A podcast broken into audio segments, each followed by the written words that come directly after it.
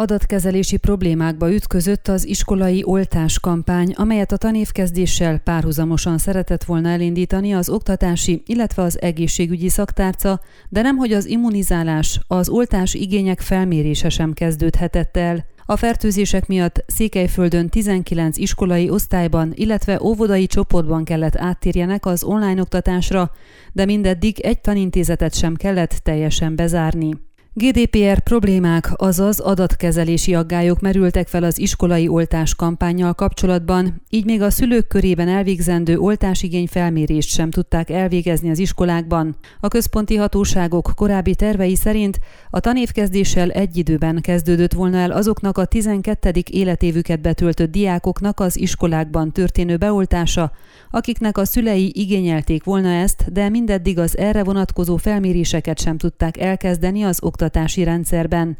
Érzékeny információk ezek, mondta megkeresésünkre Demeter Levente Hargita megyei főtanfelügyelő, megjegyezve, hogy a diákokat számtalan dologról meg sem lehet kérdezni a szülők engedélye nélkül. A tanfelügyelőség nem is kapott utasítást az Oktatási Minisztériumtól az oltás igények felmérésére, és amíg ez nem történik meg, addig ebbe nem is kezdenek bele, mondta Demeter Levente. Volt egy olyan elképzelés, hogy a tanügyminisztérium kiküld egy egyszerű kérdőívet, de bebizonyosodott, volt erről videokonferenciánk a minisztériummal, hogy a GDPR szempontjából ez nincs rendben. Az egészségügyi minisztérium fog erre vonatkozóan valamit kidolgozni, a felmérést pedig az egészségügyi szakhatóság fogja elvégezni, közölte a főtanfelügyelő. Az egészségügyi minisztériumnak volt egy határozata arról, hogy hogyan fog lezajlani az iskolai oltáskampány, de a szülői hozzájárulásra vonatkozó kérdőívek már nem jutottak el az iskolákba, és így a felmérésre sem került sor, számolt be a részletekről Kis Imre Kovászna megyei főtanfelügyelő. A felmérés csak akkor kezdődhet el, amikor az egész folyamatnak megfelelő lesz a jogi háttere, de számára az is kérdés, hogy ha ez meg is valósul, mi történik majd akkor, ha a szülők egy része egyszerűen nem akarja majd kitölteni a kérdőívet.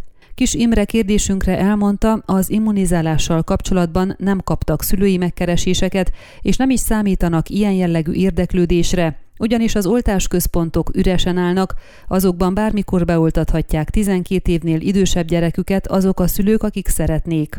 Szorin Kampján oktatási miniszter a témával kapcsolatban a központi sajtóban azt nyilatkozta, hogy az akadályozza a kérdőíves felmérés elvégzését, hogy a tanintézeteknek nincs jogosultsága személyes jellegű egészségügyi adatok feldolgozására. Megbeszéléseket folytatnak az egészségügyi szaktárcával és az országos egészségügyi szakhatósággal, annak megállapítása érdekében, hogy melyik intézmény rendelkezik ilyen jellegű jogosultsággal, nyilatkozta az oktatási tárca vezetője. Szorin Kampiano azt is hangsúlyozta, hogy a személyes meglátása szerint nagyon fontosak ezek a kérdőívek, mert lehetőséget adnak az oltási szándék kinyilvánítására. Segíteni szeretnénk azoknak, akik kérik az oltást azáltal, hogy közelebb visszük az iskolákhoz a lehetőséget, hogy fenntarthassuk a jelenléti oktatást, és ne kelljen áttérni az online tanításra, fogalmazott. Az online oktatással kapcsolatban egyébként a főtanfelügyelőktől megtudtuk, hogy jelenleg 19 székelyföldi iskolai osztályba, illetve óvodai csoportban zajlik az oktatás online tanrendben az igazolt fertőzések miatt. Hargita megyében ez 7 iskolai osztályt, 5 általános iskolai és két középiskolait érint, illetve egy óvodai csoportot. Ezek közül öt osztály, illetve az óvodai csoport Maroshévízen, egy székelyudvarhelyen, egy pedig Székelykeresztúron működik. A vonatkozó szabályozás szerint, ha egy gyerek megbetegszik, az adott osztály áttér online tanrendre, azok a diákok viszont, akik be vannak oltva vagy igazoltan átestek a fertőzésen, továbbra is járhatnak iskolába. Ugyanakkor 8 nap elteltével azon diáktársaik is visszatérhetnek az osztályba, akik leteszteltetik magukat. Ellenkező esetben csak a 14 nap letelte után tudtuk meg Demeter Leventétől. Kovászna megyében szintén hét iskolai osztályban zajlik online az oktatás, többségük két középiskola és két általános iskola összesen hat osztálya. A megyeközpontban Sepsiszentgyörgyön működik, egy általános iskolai osztály pedig Bodza fordulón. Maros megyében négy iskolai osztályban kellett felfüggeszteni a jelenléti oktatást és áttérni az online tanrendre, ezek közül három általános iskolai, egy pedig középiskolai osztály.